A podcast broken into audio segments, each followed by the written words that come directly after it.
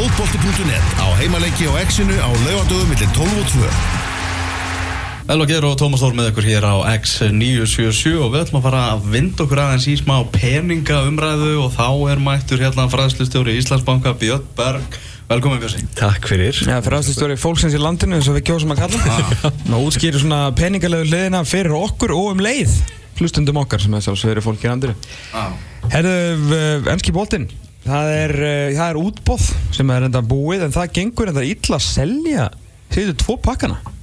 Heyrðu, já, það er eiginlega alveg magnað. Þessi tveir nýju pakkar. Já. Mm, Sem ætla að Þetta eru að tala um sem sagt sjómassamlingana. Já. Já, sjónvarsamningana, þar sem að þeir ætla að vera með einhverja nýjung að sína, þeir ætla að henda einhverjum umra, umferðum í uh, beina það sem allir leikinir á sama tíma og eru þá að reyna að selja þetta til einhverja sem eru til í að sína alla leikina. Þe- Þetta er náttúrulega bara gert fyrir, fyrir YouTube og einhverja svona aðalega, væntalega. Uh, já, sko, það sem kom svolítið óvart var þetta með að, að uh, sam, þessi sjónvarsamningar sem hafi verið náttúrulega í einhverjum veldisvexti undanfarna um tvo áratugji að, að núna skulum við sjá smá lækkun á milli samninga. Mm.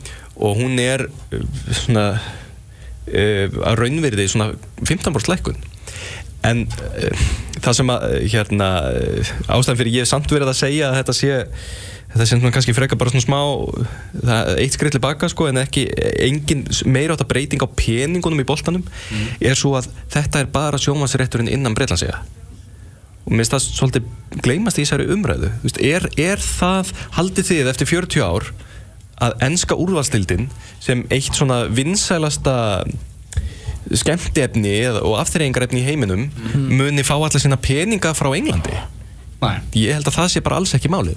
Og uh, það hefur verið alveg gríðarlegu vöxtur og ofbúslega verðbólga í þessum sjómasamningum innan Bretlands sem fyrst og fremst hafa verið drifnir áfram núna allavega síðasti samningur að verðstriða á milli BT og Sky Sports. Og þá náttúrulega sprakk þetta algjörlega út og gríðarlega uh, mikil kostnaði þar. Þessi sömu aðilar eru að endursemja núna og eru að taka rosalega svipaða pakka á síðast en eru bara að borga örlítið minna. Það- þeir, þeir fóru ekki neitt slag. BT tók, uh, nei hérna Sky tók fjóra af fimm eða ekki? Jú, þeir tóku stæstan hluta þessu, Já. nákvæmlega. Og þannig að föstudagsleiki eða ekki? Jú, BT, hérna, ég bara var hérna að finna þetta hérna. Og svo er BBC hérna með Match of the Day sem er nú samt ekki, ekki sömu fjárhæðir sko. Nei, þannig að BT er veru, en sko verði hjá BT hækkaði samt.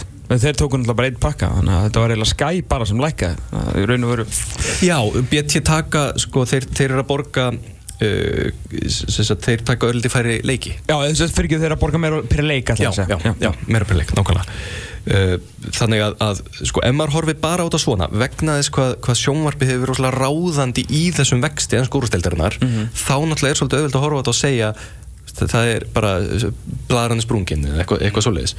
En um, tveir þriðju af sjónvarspinningum ennsku úrsteldarinnar eru frá Breitlandi Mm. En það er hort á ennsku úrstildin um allan heim og hún er svolítið uník, hún er ofbóðslega vinsæl og ennsku úrstildin og mestaradildin skera sig svolítið úr á alþjóðlega mælikvara. Þannig að ég segi sko býðum eftir næstu alþjóðlegu samningum. Býðum eftir að sjá þegar Hong Kong fer að semja og Bandaríkin fer að semja og aðrir markaði fer að semja og sjáum hvort að þar verði líka eitthvað dropp. Vegna þess að það er ekkit svona eftir á higgja kannski ekkit skrítið að breytar sem eru búin að gangi í getnum rosalega efnaðslega erfileika að, að þeir séu kannski að fara að borga einhver örlítið minna Já. En mér er samt gott að þetta sko komist í umræðina vegna að þetta er partur á svo stóri umræðu um sko um peningana alþjóðlega í fótbolta mm. sko um, tónlist, kvikmyndir og svona lag þetta er bara alþjóðlegt þetta er kannski búið til í Breitlandi eða Bandaríkjunum eða hvar það er en markaðurinn fyrir þetta er alþjóðlegur. Og það eru fáir sem koma að maður þetta sjómarpið er að það, það er Game of Thrones sem allir í heiminum horfa og eitthvað, eitthvað eitt og eitt annað. Jeff Bezos finn hún alveg að stað með Amazon og segir nú þurfum við að vera með okkar eigin Game of Thrones og þeir kaupa Lord of the Rings og ætla að búið til Lord of the Rings tæti Já. varandi bíómyndinar þá eru þær, þetta eru tíu myndir á ári sem öll heimsbyðin sér og Disney á örugglega 80% stæðum og það er bara Star Wars og það eru Harry Potter og það eru Pixar myndinar og eitthvað svona. Og Marvel. Og Marvel. Og það er hérna og við, við, þannig að við vitum sko að þetta er það sem hefur verið að gerast þegar að restina heimsbyðinni, það sem allir búa þegar að þeir eru að neyta skemmtiefnis sem er búið til á Vesturlöndum. Þá verður að velja til til lítilli púlju. Ok, við heimfærum þetta á fótboltan þá er Barcelona núna frá með næsta tímabili að í nýjar treyjur. Og bara treyjusamningurinn og auglýsingin á treyjunum er að fara að skila um 184 miljónum pund á ári. Þetta eru 184 miljónum pund á ári þessi peningar eru ekki vegna spánarmarkaðar. Nei, nei. Veist, Barcelona er alþjóðlegt vörumerki eru vinsælir, veist, það er verið að kaupa þessar treyjur í Kamerún og í Vietnam og í Brasilíu og einhverstur annar staðar. Og það er markaðurinn. Og þarna þarna erum við að fara að sjá sko uh, vöxtinn í peningunum en honum verður rosalega misskipt.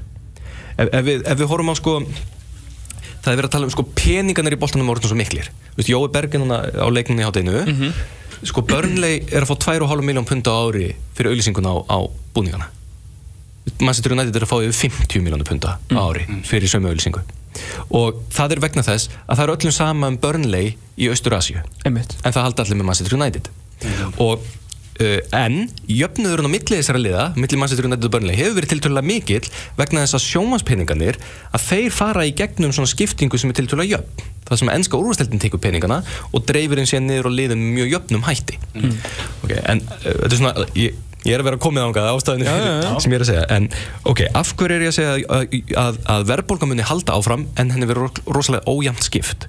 Það er vegna þess að uh, núna á næstu uh, fimm árum cirka mun milli, alþjóðlega millistjættin í heiminum vaksa um svona miljard manna Ok. og 90% af þessum vextir í Asju og þegar við erum að tala um sko millistjætt þá erum við að tala um það að þú ert að, að, að sko þessi venjulega fjölskylda er að fara úr því að geta ekki leift sér neitt nema að kaupa mat Ok. í það að geta eitt peningum í áhuga mánu sín og þetta fólk fyrir bíó og kaupir áskrift á Spotify og, og sendir börnin sín í skóla og horfir á fótbolta. Mm af því að fótbolti er ótrúlega vinsætlan um allan heim. Jú. en hvaða fótbolta eru þeir að fara að horfa á? Hvaða treyjur eru þeir að fara að kaupa? Ef, ef, ef, ef að þið setjum ykkur í spór sko, hérna, einhverja foreldra í Vietnam eða í, á Indlandi eða Kína og litlu krakkanir ykkar eru farin að hafa áhuga á fótbolta og þið ætlaði að gefa þeim treyju bara svona í alvörunni hvaða, hvaða búningar haldið að muni koma til greina hversu margi klúpar er þetta? Fjórir Er það ekki? Manchester United Ég veit ekki, Real Madrid, Barcelona kannski Liverpool Ég, ég veit Já. ekki hversu stórir þeir eru á þessu markaði sko, en þeir eru ansi stórir Já, þetta er ekki margir Nei og Ekki, en, en, ekki einu svona sko bæ, kannski PSG út af Neymar Já, eitthvað, þú veist, einmitt. eitthvað, ég, já þetta er ekki mikið Nei. og, þ- en, en staðan sem þeir eru í geta selt allar þessar treyjur geta selt allar hennar varning að auglýsingin sem er á maganum á Manchester United hún mun ná til markaðirins þarna úti auglýsingin, Dafabet auglýsingin hjá Burnley er ekkert að ná inn á markaðin í Östurasíu þess vegna er hún miklu ódýrari og, og hversu margir leikmenn eru þetta? Hvað, tilfinning hvað hafið þið? krakkar út í heimi ef að þeir eru að byggja um í jólagjöf treyju með hverju nafni á bækinu er þetta margir leikmenn? Það er 3, 4, 5 Já, Hver eru það? Ronaldo Messi Já, já. Já, Neymar, Suárez, Pogba Já. um, Já, En ekki þessi skal bát sko Já. Mm. Og veistu, og eitthvað svona, þú veist, ég veit ekki, fyrir minni og Sala eitthvað svona að því að ennska úrstildin er svo sterk sko, þú veist hvort að það sé eitthvað dett inn en þetta er, þetta er bara handfylli leikmanna Já Nefnilega og, og um, þarna er vöxturinn sko. Mhm. Veistu, ef, ef við erum að horfa næstu 20-30 árin í fótboltanum þá er vöxturinn að fara að vera í Kína og Indonésiu og Indlandi og þessum mörgum og Vietnam og Tælandi miklu frekar heldur en hversu margi feðgar er að fara á völlin í hans skúrastilni -hmm. eða hversu margi fara á barinn á Englandi sem bara nú þeg, bara búið að metta hann að markað þannig að, að sko Uh, þess vegna, held, þetta er, held ég sko ástæðin fyrir því að það sem við erum að fara að sjá, er, að menn er að fara að keppa um ákveðna hluti, þeir eru að fara að keppa um það að vera í hans skúrasteldinni út af sjómaspenningunum sem eru þar, þannig að komast þangað upp. Menn er að fara að keppa um það að komast í meistaradeldina af því að það eru náttúrulega bara brjálaðir peningar. Einmitt. og menn er að fara að keppast um það að vera svona uh, galaktikó lið Ve- vera sem sagt bara að pop uh, brandi alþjóðlega og vera þá með leikmenn sem eru þannig. Þú veist, það, það eru 20 ár síðan eða hvað er þessi langt síðan Dave Beckham var kiptið til Real Madrid? 2003 ekki? Já, já nokkulega einhver 15 ár og uh, veist, það var ekki ég held að vermiðin á honum hann hafi réttlægt meiri, eða hærri vermiða heldur en hæri fóturinn að skaf sko Mhm. Þú veist, vegna þess að hann var stjarna sem að gætt höfðu allir fólkskotum allan heim Já.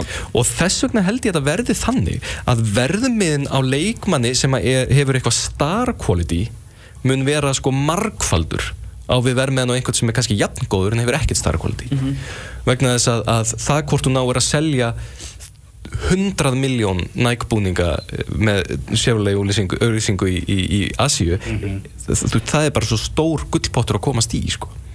Þe- þe- þetta er í rauninni ástæðan fyrir ég held að að fókusin hjá, hjá liðum ætti að vera og, og verður örglega þarna og reyna að koma sér í þennan hóp. Og ef við hugsaum þetta svona þá náttúrulega meika kaupin á Neymar alveg fullkomlega sens. Þá er 200 miljonir bara allt í lagi fyrir hann.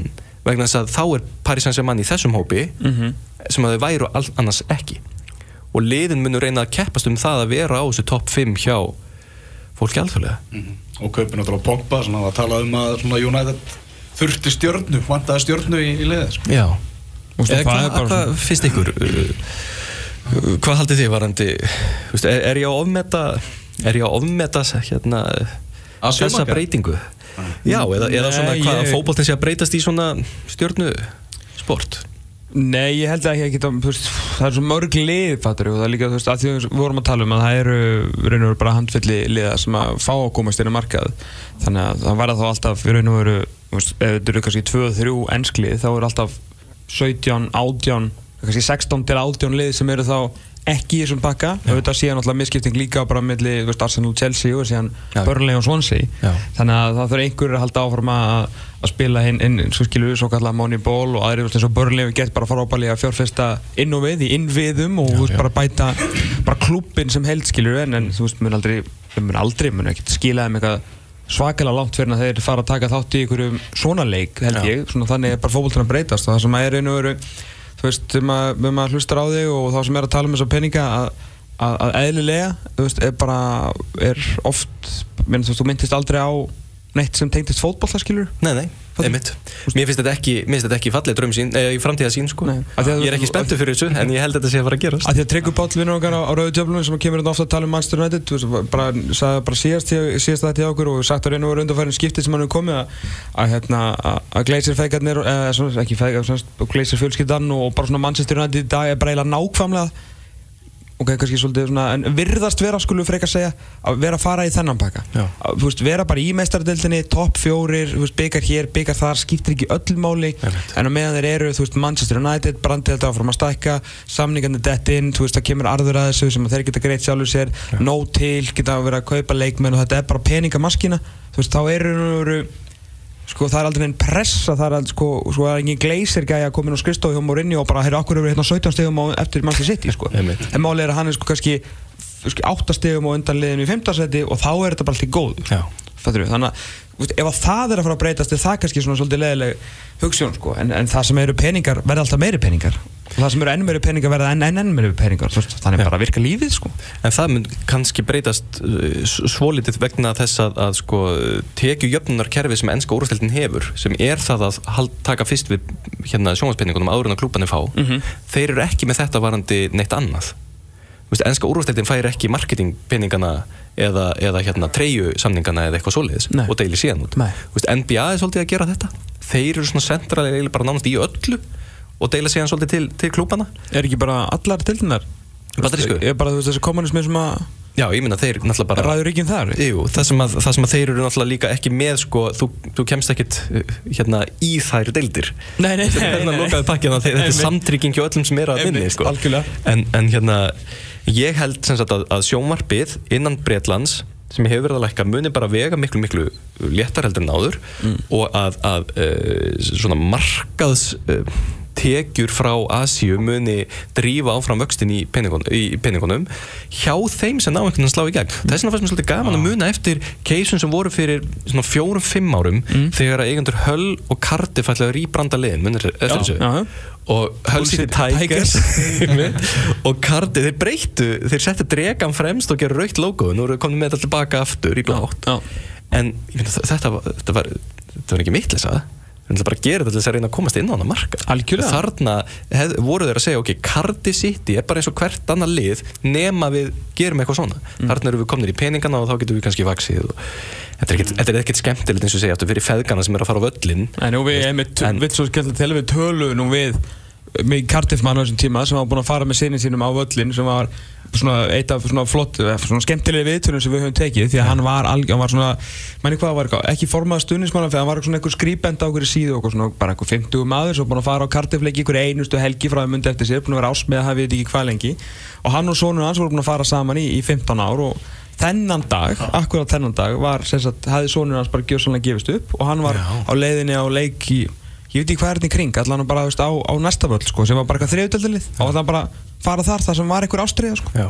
Minna þetta hafi beina áhrif en það sem ég langaði sko, gæti verið og að því að þeir eru að fara að sækja peningin e, e, í Austurasi og bara e, á aðra staði gæti enski fótbolta áhuga maðurinn gæti hann fengið fótbolta sinna aftur veist, gæti, gæti tekið norður svo miklar annar staðar að skilur það er, er óþarf að nýja staðu með miðaverið getur miðaverið lækkað eða er græðkinn bara það mikil að það mun ekkert breytast sko, miðaveri getur auðveldlega lækka og það myndi bara ekkert hafa neina sérstakann áhrif neina er- áhrif á rekstu klúbana sko. Nei. Veist, það eru þessir, þessir smærri klúbar í enska bóltanum eru með svona um með yfir 90% sinna tekna á sjónvarpi mm, þannig að það að lækka miðaveri og törf mór er ekkert að fara með klúbin á hliðina Nei. svo er líka bara áhugavert að sömur eru raunverulega að reyna að taka klúbin sinn tilbaka sér að eh, hérna United FC heitir það ekki hérna í Manchester? Jú, Uh, United of Manchester, Manchester eitthvað svo þess, já. Já, stæsti klúpur á Englandi í eigu stuðnismanna Ok. og hann er sagt bara svona almennt félag eins og íslensku klúbana það er enginn sem á meir en bara eitt hlut. Þú ert bara, allir eru bara jafnir eigendur og enginn meir en annar. Já. og þeir eru búin að ná að fjármagna sinni eigin völl og allt saman. Bla, í Blackburn eru nánast allir stuðnismannaklúbanir núna búin að saminast og þeir eru með sameiglegt plan sem er það að kaupa klúbin af þessi vengísliði þarna frá Englandi Á vengið þetta ennþá Já, þeir eru ennþá með þetta. Kjúklingabænum? Já, já, já Og þeir Vá. vilja gera þetta Þannig að það er eitthvað svona byrjað og, og ég meina En svo er samt, þú veist, ef þú ert fættur og uppalinn í í hérna Burnley og ef að Burnley verður síðan keiftað einhverjum shake og, og hérna, Já, já. þú veist, þú kemst ekki á klubbin þá ert ekkert endilega að fara niður göttin til Accrington og byrja bara að halda með þeim í staðin Nei, þú ert bara Burnley Auðvitað. áhugamar en ég held að þetta sé svona, veist eins og fyrir okkur Íslendinga ég menna ef, ef að hérna vikinga, eh, vikingur eða leiftur, nei, leiknir færi í einhvern svona pakka Aha. Minna, verður þú komin elva bara í írvöllin bara þar sem að Þeir eru reyndar núna með stjartfræðilega heimska hugmynd sem er að setja á stað með hérna, að vera með númeru sæti þannig að fólk Já. getur ekki, ekki setið saman og eru svona að taka gleðinu úr því að fara á völlin þannig ég er svona að vera mikið að byrja að pæla að halda bara með val sko. Já, já, hún, meinar. Sem að- Þeir eru líka þannig að mjög verður það líklega mestar ráfram Já, nákvæmlega, þannig að það stefnir í mjög gott sumar hjá okkur völsurum. Nei, ég er að tjóka, myndi aldrei gerast í lífin Æ, ég veit ekki, ég, svona, en, en eins og með, með sjónvarsamningana eins og bara okkar sjónvarsamning ég, meina, veist, ég veit að getur ekki svara fyrir svona eitthvað víst en myndur halda að, að, að svona minni, minni lönd sem eru samt svona búin að vera hundryggir í gegnum tíðina síðan fara upp eða niður? Ég hef enga tilfinningu fyrir því, varandi Íslandi, ég verð að segja það. Ég held að, sko, vöxtur millistjættarinnar á Íslandi náttúrulega bara er ekki er ekki, þetta er ekki til umræðu. Veist, það er ekki hérna, þetta er ekki það er engin miljardur að verða til sem að allt innu getur keitt sér gemsa á Íslandi. Veist, það er engin rosalega muni frá síðasta samningi. Það er bara millistjættin hefur það eins betra og, og það er bara hérna þú veist, bara hagvöxtur og aukinn kaupmátt en ég myndi segja, þú veist, ef maður ætlaði bara algjörlega blind að skjóta á eitthvað, þá myndi maður bara setja það eitthvað svoleiðis, bara hefur fólk meira á milli handan en það hafið í síðasta samningi, ok, þá er bara þetta hækkað um 3-4% eða 10% eða hvað það er. En varðandi, sko, þe- þegar ég er að segja eh, markaðir eins og, eins og ástæðan fyrir ég er að nefna veist, þessu löndi svo Vietnam og Thailand og svona sem að maður tengir aldrei við enska boltan Nei. það búa fleiri í Vietnam heldur en á Englandi sko. Já, já. Og þeir eru að gangi gegnum alveg ofbóðslegar demografíska breytingar. Þetta eru bara í löndum Austur-Asíu þeir að, eða í Asíu þá eru þeir að tala um þetta verði tækla 900 miljónir manna næstu tæpum 5 árum. Sem er fá að- smá pening á milli handana. sem fá smá pening á milli handana og eru að fara upp í þessu skilgrindu millistjætt Já. og, og hérna munum þá geta eitt peningum í eitthvað. Og ég held bara að, að fótboltin hljóti að sækja einhvern hluta af þessum peningum vegna þess að hann er bara það vinsall alþjóðlega. Og, og þess vegna verður þetta þannig að við erum að sjá sko, og, þe og þetta mun síðan bara halda áfram en mun gerast við mjög langan tíma. Þannig að sjómasrétturinn á Indlandi þótt að það búi milljar og manna þar að þá verður hann kannski ekkit svo rosalega hár núna næst en hann verður ennþá heyrið þar næst og hann mun vaksa miklu meira heldur en enski markaðurinn. Þannig að ef við myndum sko hittast aftur eftir 20 ár og tala um þessi mál þá værum við örugglega að hlæja að því að allir væri að eitthvað er að reyna að stóla á innlendan markað varandi í sjónvarpið auðvitað er þetta bara alþjóðlegt. Fótboltin er bara 80% af tekinum er bara að koma frá útlöndum. Þú veist þetta verður þannig heldur Já, já. ef að þeir halda rétt á spilunum sko. nema að þeir verður bara búin, búin til einhverja superdeildir sem allir eru einhverju galaktikós og, og með reynir bara að skemma fótboltan sem að var náttúrulega bara reynd ástæðan fyrir breytingun á meistaradeildinni er ennáttúrulega bara til að svara því að menn ætluðu bara að fara að búa til aðra meistaradeild þannig að það er allavega svolítið, svolítið interesting hvort að sko, það því að peningarnir eru svo miklir og þeir ráðu svo miklu. Einmitt, einmitt.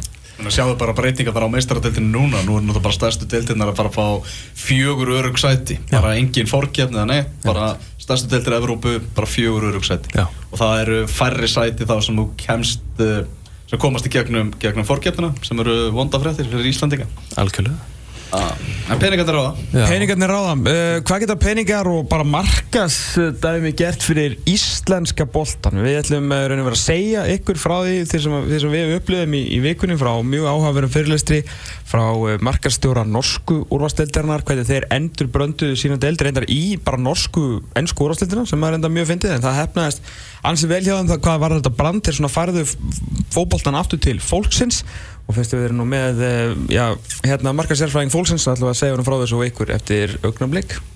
Björn Berg situr ennþá hérna hjá okkur í útváðstættunum fókbólti.net á X-inu. Við ætlum aðeins að vinda okkur í, í norsku deildina og markasmál norsku deildarinnar því að það var uh, maður hér á landi, Martin Ígres sem að hjælt uh, fyrirlestur annars vegar fyrir, fyrir fjölmiðla og, og hins vegar fyrir síðan uh, forraðamenn félagana í, í gær og, og þar var Gunni Bergsson meðal annars og, og svona.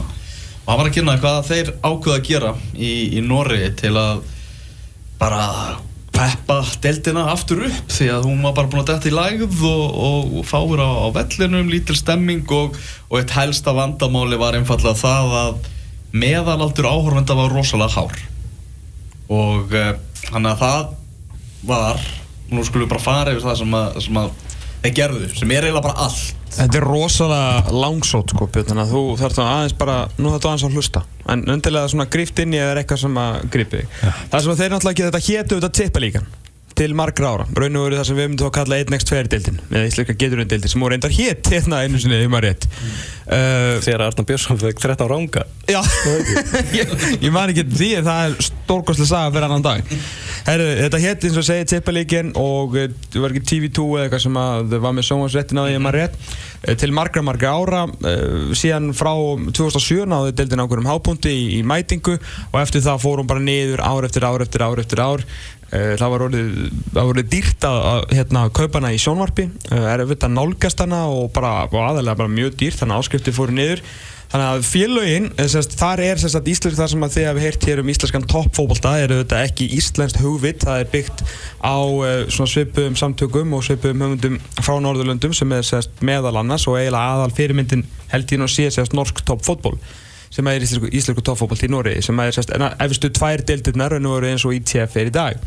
Uh, þeir tóku sér saman og bara ákvaða nú þurfa að gera eitthvað uh, og það sem að svona í grunninn gerist var það að þeir sagt, hættu að vera með höfuð spons á deildinni þannig að ef við myndum heimferða hér þá myndum Pepsi, þetta var hægt að vera Pepsi-deildin og það væri bara topp-deildin eða úrvalsdeildin eða besta-deildin eða eitthvað svoleiðis. Luxusdeildin Luxusdeildin uh, og hérna gerðu sex ára sjónvarsamning við uh, Eurosport og Discovery, Discovery og bara mjög góðan samning við Discovery þannig að þetta er sínt á Eurosport Norge þeir fjölguðu leikjum í, í til að svona færa svolítið og, og, og hérna, leikið, þú getur nálgast leikinu á Eurosport Player, þú getur séð alla leikina með kommentari fyrir ekki mikinn pening og líka fullt að leikjum í, í opening dagskrá uh, hún heitir náttúrulega núna Elite Siren alveg veist allsvenskan heitir allsvenskan og veist Bundesliga, Premier League og að La Liga. La Liga, þannig að það er engin höfuðsponsor þannig að það er þetta sækja raun og veru fleiri styrtaraðala að deildinni þannig að þú veist ef þetta væri á Íslandi þá getur bara ITF raun og veru ITF eða KSI hvernig sem að það fer raun og bara verið með fimm aðal spons á deildinni fengið þannig meiri penning og síðan sjómaspenningur frá, frá fjarskiptum í dag. Uh, þeir fóru í, í því líkar sagt, rannsóknir á, á því sem að það eins og segir það var mikill hérna mantaði mikið ungu fólki og þeir bara borguðu hérna fyrirtækjum þessast rannsóknar fyrirtækjum og, og stúdígrópum fyrir að fara ofan í saumana á þessu öllu saman hvað hva var að og, og þeir gerði það mjög vel. Þeir tóku, tóku logoið þeir breyttu bara öllu, öllu útliti deildarna þeir, þeir sem hafa séð Elite Serien logo í dag það er svona slass svona, það, það er svona eins og það sé svona broti saman illa en þess að pælingin er að þetta er svona tvö lið að mætast þeir virkjuðu ljónið og litirnir í Elite Serien logoinu er sem sagt svona litagreining á öllum klubbónum í efstu tveimu deildunum. Skilju þetta var, þeir fóru það langt með þetta.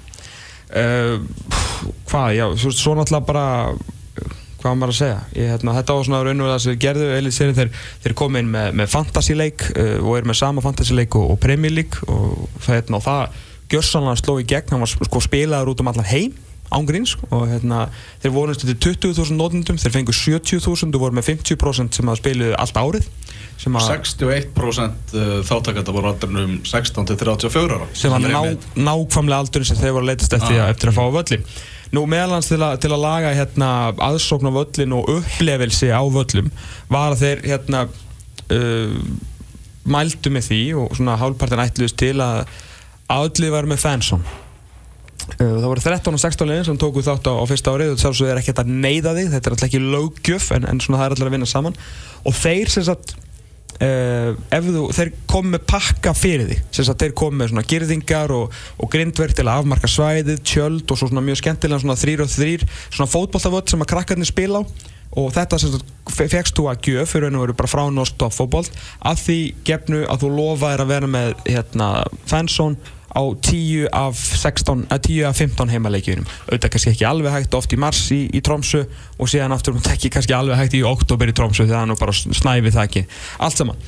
Uh, og, og þetta svona, svona þetta var svolítið til að svona, eins og að segja, fá fólki auðvitað fyrr á völlin og þeir virkju líka sjónvarpi með þetta það var sínt beint úr fansónu þar sem að meittir leikmenn og leikmenn í banni komu spjöllu við krakkarna og fólkið gáða eigendur áriðinu spörkuða hans í bolta og þar var síðan skipt beint út í sjónvansútsendingunum út í fansónið þar sem að var svona spjalla kannski við kannski var jafnvel þjálfarinn að vera þarna fyrir 45 minnur fyrir leik eða aðstofþjálfarinn eða leikmaður eitthvað svona og, og, og þetta var bara, við vorum að horfa á þessa kynningu og þetta var þetta var rosalega að sjá þetta sko. Og bara það var einhvern veginn það var verið bókstaflega var bara planið að fara með fótboltan aftur til fólksins og, og aðalega þessi rannsóknarvinna sem að, sem að fóri í þetta allt saman. Þeir hljóta að hafa fengið einhver utanakomandi hjálp er það ekki, ég get ekki myndið mér að sé að marka stildin hjá knæspundisabæti Norris Nei, nei, sko þeir náttúrulega eiga í raun og veru sem sagt norsk toppfótból voru það þeir sem stóða þessu norsku toppfótbolti? Já, já, Að þetta- þeir hafa bara bara keift rákjafa Já, þau keftir rákjafa sko. Þeir Já, bara, raun og veru peningurinn er hérna náttúrulega, þeir fá mikið pening frá sem, veru, eins og ég skildi þetta þá bara allur peningurinn frá Discovery þetta er bara sjónvans peningurinn sem er notaður Já. í þetta allt saman sko.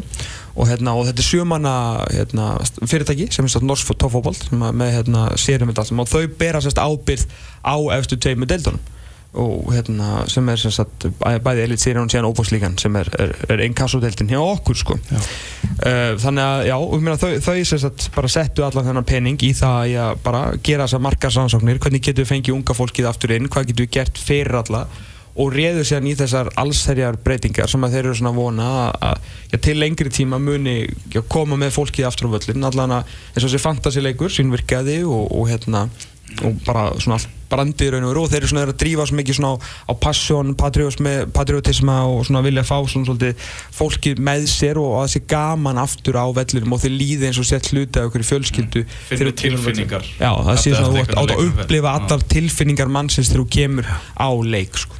Er þetta þá, ég skildi þannig að, að sagt, norsku toppfótbolti er þá eins og Premier League sagt, Premier League sér um efstu deildinu Já, á Englandi já. FA eh, er sambandið Já. meðan á Íslands, Íslandi er íslensku toppfótbolti bara veist, Já, en, en, en hann vill verða toppfótból sko. já, einmitt, hann vill sjá um þessar deildir Já.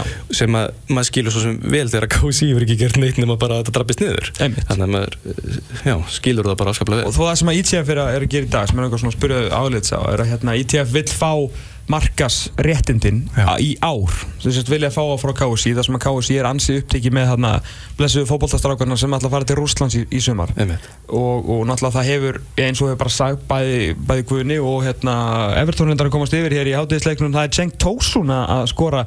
Uh, Tyrkneski tankurinn að koma Evertón yfir á Turf Mór á 20. mínútu. Og eina sem við viljum vita í þessu lífi er hvort að Gilvi Þór Sigursson hafi lagt upp þetta fótballtamark með sínist hann, uh, er þetta Gilvi? Nei, þetta hérna er út á vengin og endanum er þetta Gilvi kom ekki og svo hvað getur gera meira sama Herru, hérna hefur þetta komið yfir 1-0 Börnlein 0, Evertón 1 uh, Hvað var ég að segja? Ég datt út já, með þeir vilja fá markaðs Já. Viljum fá markast hérna Betur- rendina því að já. KSI náttúrulega eins og um, bæði hérna Haldur Hallsson uh, framkvæmdastjóri, formaður Formaður. formaður Íslands tóffóbolta og Guðni Bersson formaður KSI er náttúrulega sagt að þessi náttúrulega vinnuhópur hérna, sko talandi um saumaklúb eitt, mesti, eitt mesta bara grín sem við höfum bara séð í einhverjum pælingum um að gera eitthvað og, báðir aðalega var sagt að þetta var ég nánast sett saman bara til að sko friða hvort annan sem var ekkert gert sko. Uh, og, KSI er mjög, mjög upptikið eðlilega þeir eru að fara, þú veist, þeir eru með 20 manna skristu og eru að fara á heimsmeistaramóti í fótbolta þannig Er að ekki Ómar líka bara einn með markasmálinn? Það er búið að fjölga Það þessu. er aðeins búið að fjölga, en, en þú veist, þá eru þeir tveir, ég meina, whoop-de-doo, sko, þið þyrfti að vera 20, fattar hérna, en þeir, þau eru bara að reyna að gera það sem þau geta og þau veit að það snýst þetta allt um heimsmestramóti, þannig að ITF vill raun og veru fá markasetningin í, á þessu árið til að aðtöku hvað þeir geta gert. Og í verstafalli þá verður þetta jafnblíðlegt og hefur verið undarfann á, sko. Þannig að, bara all for it sko? Mér finnst það bara frábær hugmynd mér, mér fannst eins og ég var ræða við ykkur hérna í pásunni áðan þegar að, að, fyrir nokkrum árum þá hittu við uh, þegar að einmitt við í Íslandsbanka og fótballtafótnet heldum hérna skemmtilega fundum um hérna Ísland og, og Evrópu fótballtan mm. varandi hérna íslensku félagsliðin þar sem hann kom að Níls Guttle sem að var hann var formaður Rosenborgar á þessum gullaldar tíma kringum og fyrir aldamóti þegar þeir voru bara sem að þeir kalla. Átna Gauts Ara á svona tíma. Nákvæmlega, mm. hann var allt í öllu þannig Nema hvað, að hann eh, hérna var formaði félagsins þegar þeir stækkuðu Lerkendal og hann fór svolítið skemmtilega yfir sko þangagangin þeirra mér finnst þetta ofta vera þannig varandi íslensku klubana og það, er, það þarf ekki að vera eitthvað vola skrítið, þetta er líka bara veist, rekið á minimal hérna, mannskap en það sem að þú ert bara að hugsa hérna, heyrðu, stuðnismæður KR eða stuðnismæður Vals, akkur mætir hann ekki völlin Þú veist, eins og þetta sé bara einn hópu fólks þetta er bara sama típan. Ég meina, er, er ekki, erum við ekki að bjóða hérna upp á þessa hambúrgara? Af hverju mætir fólk ekki? Ég meina, þú getur alveg mætt, þú veist, alveg fimm myndum fyrir og staðið síðan í röðinni fyrir hérna, þessa einu hérna í Dominos deil, hérna röðinni til þess að ná þér í, í pítsusneið og, og hérna og þetta ekkert úrval og það er valla opið þú getur ekki hétti trefil eða látið mála krakkana en allavega það sem að þeir gerðu var að þeir tóku þetta bara alvöru, þeir voru bara með markmiðum það. Þeir ætlaði að byggja völl sem var miklu stærri heldur en meðalansvöndin þeirra hafi verið. Þannig að þeir sögðu ok, við verðum að fylla hana völl. Og hvað gerum við þá? Þeir gerðu bara nákvæmlega eins og hvaða fyrirtæki sem er gerir. Ef eitthvað fyrirtæki var að koma inn á nýja markað eða, eða það, það kemur einhver nýrinni fyrirtæki að ætla að hrista upp í því þá er byrjað á því sem er svona uh, leiðendar hugtakur úr hérna viðskiptum með markasetningu sem bara skilgreina markkópin Ah. og þá er bara nelt nér á blað að þú ert með þú ert með hérna húliganana og þú ert með casualana þú veist, í kvítustriðaskonum og þú ert með, með feðgana sem að mæta á völlin þú ert með fjölskyldunar sem að mæta jafnvel með lítil börn, þú ert með gömlukallana með treflana sem vilja standa. Þú ert með, með strákana og stelpurnar sem eru ennþá að spila í yngri flokkum þessa sömu klúpa, þú ert með vinnufélagana sem ætla að fara saman. Þú ert með, með hérna, einhverja svona hópa sem að þú sérstaklega skilgrinir og þegar þú ert búin að koma þessu nýra á blað þá áttar þið alveg á því að gömlu kallinni með treflana og fjölskyldurnar og krakkarnir sem eru í öðrum flokki þetta er bara ótrúlega ólíkir hópar sem er að leita einhver allt öðru þegar þau mæta völlin þannig að þá er pælingin ok, hvernig gerur eitthvað fyrir alla þessa hópa til þess að reyna að fjölga í þeim öllum? Og fyrir, fyrir innflytendur, ég myndi að 10% Íslendingar er ekki fættir á Íslandi. Þetta, er- þetta er dauða færi fyrir einhvern klubb að, ná þarna í, í markkóp og það sem þeir gera svo er að þeir búa bara til eitthvað auðvitað, auðvitað þar tekur þetta tíma og kannski einhverja pínu peninga og kannski svolítið mannskap að búa til eitthvað flott fyrir alla þessa aðila að þessi hópur mætir á, á pöppin fyrir leik, þessi mætir og er með, með hérna, fær kaffi að, að gömlu kallanir f- f- f- hérna, þeim finnist þeir vera trýtaðir öðruvísi heldur en aðrir af því að þeir hérna voru í stjórninni á sínum tíma og eitthvað svoleiðis og, og að, að, að hérna, eh, fólki sem að, sem að væri til í að borga fimm sinnum meira fyrir miðan fyrir það að finnast að vera voða töff og mæta í dresscode sko og, og, og síðan búið að taka frá sætinni miðinu og allir sjáðu setjast sko að það sé þá bara líka gert eitthvað fyrir þá. Og þeir gerðu þetta og tryggðu að húlíkanir og, og, og gamla fólki og krakkanir væri ekki hittast og eitthvað svona. Og það bara sprakk allt út. Það bara, það bara þandist út klúburinn og áratafjöldin á leiki. Og maður sér sko hvað það skýta klúbur sem er á Englandi sem er bara, stúkan er að detta í sundur en það, er, það eru, eru pakkar sko þú, þú, það er ekki allir sem að mæta bara fimm minnum fyrir leik og farið það sama. Það eru sumir sem að mæta klukkutíma fyrir til að láta mála sig og kaupa trefla og, og fara í einhvern kebabbílinn og pulsubílinn og eitthvað svona og, og svo eru einhverju sem að mæta í súpu og svo eru einhverju sem mæta í betri mat og leikmenn sem eru mittir og gamlir þjálfarar og gamlir leikmenn koma og, og nú erum við að horfa á leika á, hérna, á Törfmór, ég var á Törfmór bara fyrir náttúrulega bara akkurat ári síðan. Þá var bara þetta, Brian Jensen The Beast munið þetta, mm -hmm. markmaðurinn, hann kom hann var bara stóð og talaði í hálftíma. Bara frábært að vera að tala um hverju eru lélegastu þjálfarinn sem hann hefur verið með og bestu. Algjörlega briljant, eftir leikin George Boyd, maður leiksins ég og félagið sem voru hann að ripnur upp á svið og fengum pínu pakka frá klubnum og eitthvað. Þetta er algjört æði sko. Kostaði miklu meira heldur en venjulegi mið en að því að maður fær að upplifa eitthvað svona þá er maður til í að borga fyrir það. Og mér finnst eins og sko hvort sem að raukstundingurinn sá að mennum hafi ekki dottið þetta í hug mm. þegar að telli sig ekki hafa mannskap eða peninga í þetta þá er þetta dauða færi sem íslensku klubbanir er ekki að góma.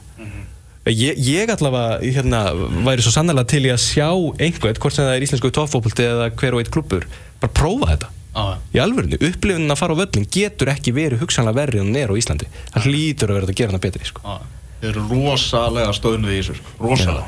Þannig að annað sem að mér varst líka áhugavert Þeir keira á Niklas Bentner bara sem stjörnu dildarinnar mm. Þú veist, svona bara Íslenski toppfóvaldi myndi bara ákvaða Þegar við tökum þennan leikmann val Þetta er bara stjarna dildarinnar Bara búa til fyrirmyndir og, og stjörnur. Það er ekki margar stjörnur í Pepsi-dildinni í dag. Nei og líka sko að því að við, að við tölum um það sem að Ölgerinn var að gera á, á, á síðustu leiktíð uh, þegar við fórum á, á kynningafönd Pepsi-dildarinnar sem er svona með, með hefbundu sniðið alltaf og, og þau voru að kynna sagt, svona sína markasæðferð fyrir síðustu, fyrir síðustu dild og, og maður náttúrulega bara maður beði náttúrulega bara eftir að Ötti myndi bara stökka fram og segja bara tekin sko. Þú veist, auðvitað var þetta bara brandari strákir, með við þurfum bara að tala íslensku. Með hvað var þetta, þetta voru, að þetta voru leikmenn á deildinni e, í svörtum og, og hérna hvítum bólum í okkur sko, Instagram myndastíl hérna, myndatökum á miðum sem að stóð ekki eins og ná hvaða lið voru að keppa og svo bara koma svo Og fólk vissi, vissi ekkert hvað fólk þetta var. veist, og svo, minna, bara ok, flott til þeim að kaupa og bara vel gert að eigða peningum í að hendur sig til dæmis upp á stór skildi og vesturlandsvegi og allt svona.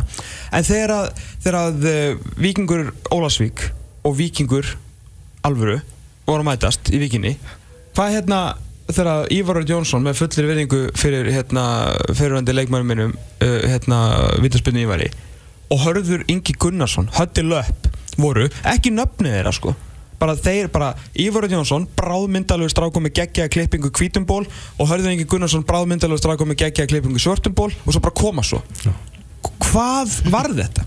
hvað átti sá sem að ekki eitthvað geggja um pepsi-diltinni, kíkja kannski á 5-6 leiki á ári Þetta veist, er svo satt sko. Meina, hva, hvað átti hann að upplifa þegar hann horfði á þetta? Einmitt. Ég veit það ekki Ég hef ekki hugmyndu það Nei. Þetta var bara, þú veist, ef ég vil sjá svona þú veist, sexy fótboltamyndir, þá fer ég bara á Instagrami og binna bolta, sko Já. Þú veist, það er nóga af þessu þar Sem þess að fór hörður frá Víking Ólasvíkum mitt sumar? Já, já. Hann held samt Það áfram var að alltaf, alltaf þegar Olsarni voru að spila. Það var alltaf höndið lög, sko. Þú veist, þetta, ég meina, on, sko. Þetta var bara En, en ég er allan, ég er búin að heyra að horfa nú til betri vegar það, það var eitthvað að vera að skipta um hérna, starfsmennandum í Örbjörg, hverði var þetta, þannig að ég vonast nú eftir svona flottari en ég myndi- það er líka fyrirtæki sem að er sko er alveg dundu gott í markasetning frábært í að það markasetningu en það, það sem að mætti það samt alveg Já, sem var kerið þérna þegar Ma- Margrét Lára og öllu voru inn í landsbankunum á, á já, já, já, einmitt. Er bankastræti segja, Já, eða já. auststræti hvað sem þetta heitir? Að hérna, eitthvað, eitthvað neður svona og auðlýsingi sem Hannes Þór Haldursson gerði hérna árið sem var enda í Pepsi marka auðlýsing frekar heldur en það held ég okkar sagt, eða veist, ég held að það veri þá ferskipt auðlýsing frekar heldur en en, en það sem er náttúrulega stóri, den stóri dröm núna hjá skilur liðunum í, í- allavega íslenskum tófópolta sem eiga þá heita efstu 24 lið landsins er náttúrulega að fá bara þetta til sín og verða toppfótból og út með höfuðsponsin til að geta fengið peninga frá fleiri stöðum. Já. því að þetta er náttúrulega þú veist, það bara bara samræma deildina. Þú veist, logo fyrir deildina og þú, þú veist þegar þú ert að mæta á leik í þessari deild. Og, og það sem þið gerðu líka í, í, hérna, í, í Nóks toppfótból og ég, ég- veit að þeir sem er að hlusta vita að þetta er alltaf þingri en táru tekið fyrir mig að tala svona vel um normennina en það verður bara að gefa þeim það. Þetta er bara virkilega vel gert hjá þeim. að að þeir hérna eru með heimasíðu uh, nota bene ef þið farið á pepsideldin.is þá er það bara er þið farð með teleporti yfir á Facebook síðu Pepsi-deildina því það er ekki til heimasíða, það er pepsideldin.is er ekki til, Nei. þú veist það er ekki myndir af leikmönnum eða fyrir ettir eða staða en eitt sko, það er bara að ferða yfir á Facebook Uh, þeir eru náttúrulega með, með heimasíðu sem er svona, og það er sko með þess að greindur hvernig fréttir ætti að vera fyrir félögin. Já, það eru, það eru hérna, það er skilur uppbyggingafréttir það er eftirleið, umfjallanir og hérna, það eru, það eru sagt, ef að liðin er að komast í, í áfram í Európu og svoleiði sko. Já. Sagt, liðin fá send á þriðu deg eftir leik fá þau send highlight pakkana úr sínum þannig að þau geta hent þeim inn á, inn á síðan og sína að, og, og allar síðunar eru eins sem alltaf, ég veit að þú alltaf fyrst lengi með League að það hefur lengi verið systemi í Englandi að það er allir með eins síður sko. Og, og en það gerir líka mönnum svona auðveldar um vik að vera með efni því að það er ekkert öll félug bara með endalust að ég meina það er engin, þú veist, um leið og ég hætti bara á vikingu.net sko 2006 eða eitthvað, þú veist, á bara síðan dáin á hana, þáttur Já, það er bara að tryggja standardin það er bara að sé eitthvað, eitthvað miðlægt apparat sem hefur kannski meiri þekkingu heldur en bara sá sem að dró svarta pétur hérna í Íþrótuhúsinu í Víkinni sko, Já. og bara þarf að sjá um heima sína að það sé þá einhver nei, alveg, nei, þetta, Já, þetta já. er alveg mjög snið og, og, og, allir að vinna saman þú, veist, þú, Já, já. þú missir að leik með KR getur farið á kr.is bara daginn eftir og þú veist að það sem blasir við þér er bara highlights úr leiknum sko. Já, þú, þú gengur á einhverjum ákveðum Ah. standard sem vísum. En og þetta er eru- líka, og þetta er líka sem ég séð núna að þetta er virkjað uh, félögin í að gera meira fyrir Já. meina hvernig var Guðmundur Andri Tryggvason? Kynntur hjá Start. Já. þá var bara, þá var bara Live live, á, live á Facebook. Já. ég, meina, ég, ég er mikið verið að spá í okkur, okkur hérna, Árnæli Strandarsson drulla sér ekki heim. Að það er að vera í óbús líka eitthvað, þú veist, skilur en ok en ég er líka búin að vera að fylgjast núna með og er náttúrulega fylgst með álasundur núna í gegnum árin bara því að þú veist, hérna, á, á strákarna sem ég þykki vant um uh, í þessu liði og fleiri íslendingar verið til uh, í þessu liði. En, en þú veist, þeir eru fallinir um deild og þeir eru svo öflugir á veist, Instagram og Facebook og þeir eru alltaf með einhverja eventa þeir eru að fá þessi FIFA spjöld og þetta leikmörinn fronta þá Já. og veist, ég bara upplifi það að það sé bara gaman að vera hluti af álasundi sem leikmaður Já. og sem stuðningsmaður og einhvern veginn svona þeir eru búin að láta mig sem eitthvað svona skástunismann alveg gleyma þeirra að fara að spila í óbásleikin ég mun líka að fatta að þeir eru mæta sem trelluhoppin eða eitthvað í, fyrstuðum fyrir en ekki Rosenborg sko.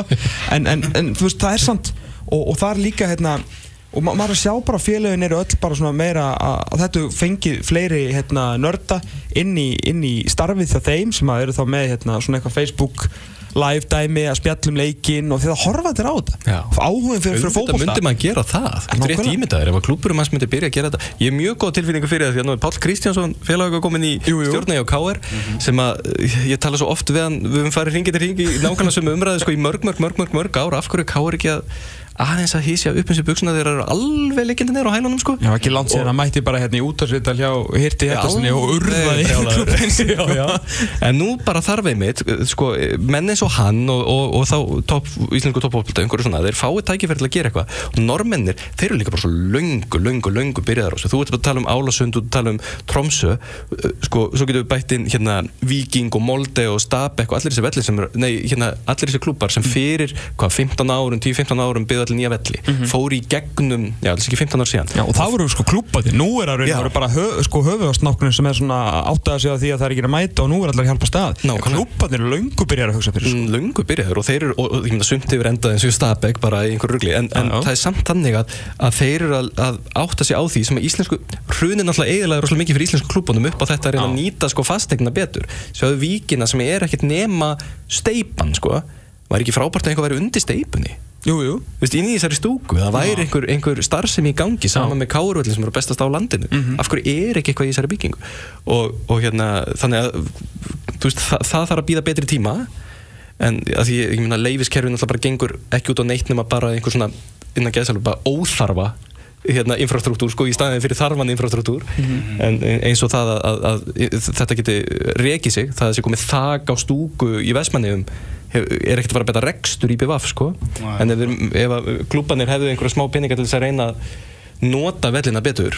Þú veist, ég spurði þess að hérna hann, hann Martin uh, í, í, Ígret Ígret eitthvað á annað hérna sem að frangandastjóra nei, fyrir ekki markastjóra sem var hérna. Hvernig samband sem satt í e, Dómstoffóbold og, og, og norska knaspunni sambandsins er, er Já. skilur þegar auðvitað er þetta náttúrulega bara hagsmunum samtök félagina því þú veist að það, KSI á að vera félögin Já, já. en raun og veru er þarna náttúrulega toppfóbolt félögin og þeir svona vilja alltaf sinn hag bestan og Já. hann sagði að díalókurinn væri ágætur var ekkert sammála um allt en, en gætu sest saman á borðinu og þarna náttúrulega sko er svolítið, held ég, hundurinn grafin ekkert held þetta er náttúrulega bara, þetta er bara stort vandamál hér því að uh, sko samskipti ITF og KSI virðast náttúrulega bara virkilega vond. Já, já. þú veist, maður veit alveg, veist, hvað ITF hefur náttúrulega bara sagt ofinbeglega og svona, þú veist, um, um KSI og svona þeirra afstöðu gagvar þeim.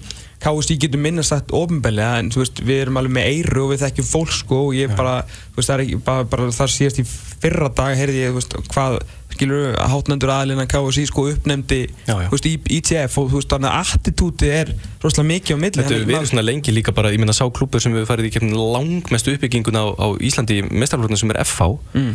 það var alltaf verið styrt, eða undarfærið ég meina, það var ekkert eitthvað sérstaklega hlýtt á milli Jónsrónas og, og Geir. Nei, nei. Þetta er ekkert heilbrygt sko. Þegar klúpurinn sem á að vera fronta Pepsi-deildina eins og FH að, að, að það sé svona slæmt þarna á milli. Ég meina auðvitað að hagsmunirinn er að vera þeir sömu. Já, algjörlega. En það er einhvern veginn halda, við veitum hvort að allir halda eða KSI heldur að sé að vera að taka eitthvað frá þeim og, og þetta eru auðvitað svona alltaf kannski sömu fjóri-fimm mennirnir en, er, en, veist, en er það eitthvað slæmt? Þó að þú veist þetta séu einhverjir ákveðin fjóri-fimm aðalur og þó þessi ekki alltaf kannski hafa verið uh, einhverjir bestu vinni KSI en að þú veist á eitthvað svona á, að- á einhvern veginn að lasta samt ITF uh, og, og hamla því að gera eitthvað fyrir þetta eru þú veist mennindir sem er búin að vera að berjast í veist, í græsóttunni og fyrir græsóttuna og fyrir sín félag og einhvern veginn deildina í, í mörg mörg ár. En svo er bara eru samskiptin virðast vera svo sl- slæma að maður bara sér ekki alveg veist, hvert þetta á að fara sko. Nei, kannski þyrfti þá eitthvað svona að, að það væri þá bara samningur sem er bara gerður um það að, að, að KSI afsalar sér réttinum í eitt ár til markasetningar á, mm. á eftir deildinni til Íslands toppfóbolta Já. og hafa það bara ekkert um það að segja á meðan þá hægt, þá geta þeir ekkert klassað í heilt ár. Það væri gaman að prófa það og sjá hvernig það kemur út. Að hvað gerist? Í vestafalli verða svo veist, 700 mann sem meðaltala veðinum Já, ég meina, var ekki, er, er rétt, mér að það að meðalfjöldin á Káruvellin var undir þúsund? Nei, og einhverjum furðulegum ástæðum var, var K.R. með hana bestu mætingun á síðustu liti Já. sem var svona Ah. aða, Já. meika ekki alveg sens Nei, ég hef ekki séð svona fáa, held ég bara nokkur sinni. Nei, Þetta er stef Þetta er hún gerur líka lag Já. Þannig að sama lagi þegar öll Já, liðin lappa inn á völl Já. Skilur Ég meina, menn er gerði þetta með meistardilna þegar að Apoel er að mæta Midtjúland eða eitthvað, eða hvaða lið er að mætast í meistardilni þegar FH er að mæta Maribor. Já, já, ég Skilurðu? Já, þá, þá er centralized markasetning hjá UEFA á meistardildinni og upplifuninni verður eftir því. Það er ekki höndunum á aðalans á, á skrifstofni hjá Maribor eða hjá FH að, að hérna að, að tryggja að umgjörðu sem nógu góð. Nei. það kemur centralist þannig að þetta væri mjög skemmtilegt. Ef að íslensku toppfóbaldi hefðu þá sameigilega möguleika á e, því að að vera svo út meiri sérfræðiþekkingu og gera meiri rannsónir og, og, og hérna gera einhverja skemmtilega tilraunir sem að hver og eitt klúpur hefði kannski ekki möguleika á. Nei, þetta þetta kostar, sko gleymið þið ekki það sem að hver einasta glæra þarna, maður horfði bara á seðlana að fljúa út um gluggan því að markasansóknin kostar fullt af peningum. Já, já. og í talningu um að búa til sko, uh, það þurfti að gera hérna 11 fansón, þú veist, ef, Já, það náttúrulega kostar að flytja þetta allt inn og svona. En það myndi náttúrulega þýða líka að, þú veist, að þegar samningu ölgerinn er lokið þá bara svona þakka þeim fyrir góð störf og þá myndu ITF bara fara að semja og þeir náttúrulega þurfa fullt, fullt af peningum inn í þetta ef þeir veist, að, framkvæma breytingarnar. Ef við, þú veist, ef að Noregur horfið auðljóslega til Premier League þar sem þeir eru náttúrulega sko hafa heldur pund fyrir pund jafnvel meiri áhuga ennska boltanum heldur við sem er ótrúlega að segja. Þeir eru sturlaðir þegar kemur að ennska boltanum. Og við myndum kannski svona aðeins horfa til þeirra. Þetta er allt svona einhvern veginn smarri mynd og svo Já, kemur já. þú veist besta deildin í hérna, ég fyrir ekki betri deildin í færiðum og horfa til okkar. Þetta er bara svona þú veist horfa upp, skilur við bróðir, bróðir, upp hérna, að hérna að, að, þú veist er, það er mikið verk eftir óunnið en það hlýtur að vera að byrja einhvers staðar. Og, það- og núna, akkurat núna. Já. Byrjar þetta bara hjá við Mikið er að vel segja. gert hjá KSI og norskum toppfóbolta að gera þetta bara kredit fyrir, fyrir KSI sko að gera hvað? það er bara að koma þessu mann til landsins Tófóbalt gerir það, KSI Toppfóbolti gerir Já, það KSI Herru, ég dreif það til baka sem ég sagði um KSI KSI KSI hérna-.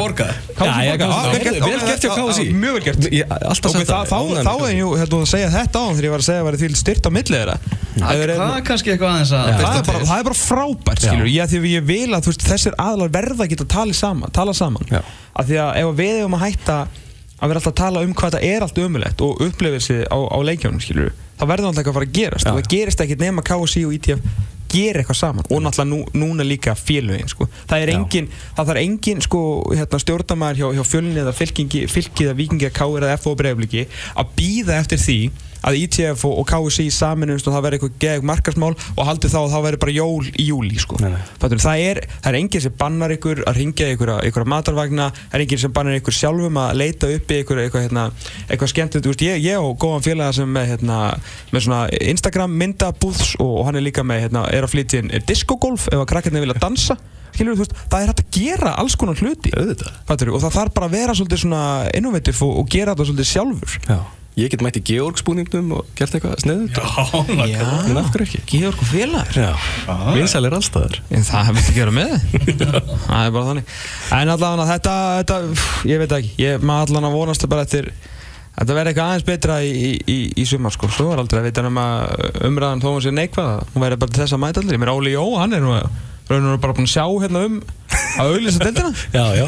En ég meina það er bara eitt og sér bara að það sé meiri skemmtileg umræð. Ég sakna þess bara að það sé, mér finnst ángríns vegna þess að fjölmiðlun er farin að kosta ekki neitt fyrir hérna klúb, ég meina ef að segjum að fylgismenn eða skagamenn eða káringar eða hverju þeir eru, ætlum við bara að vera með þátt í beinni á Facebook í hverju viku. Enginn er bara föst kvöldi klukkan átta að það er bara Þa- að það í klukkutíma einhver gestur sem kemur. Það sem að norskulegin er að gera? Já, það kostar ekki neitt. Ekki neitt? Af hverju er ekki verið að gera þetta? Ég veit, það er bara Það er bara eitthvað smá sparkir að sinna Nördunum hefur fækkað. Já, Þú veist, Það er einhvern veginn allir bara býð eftir að fara á völlin já.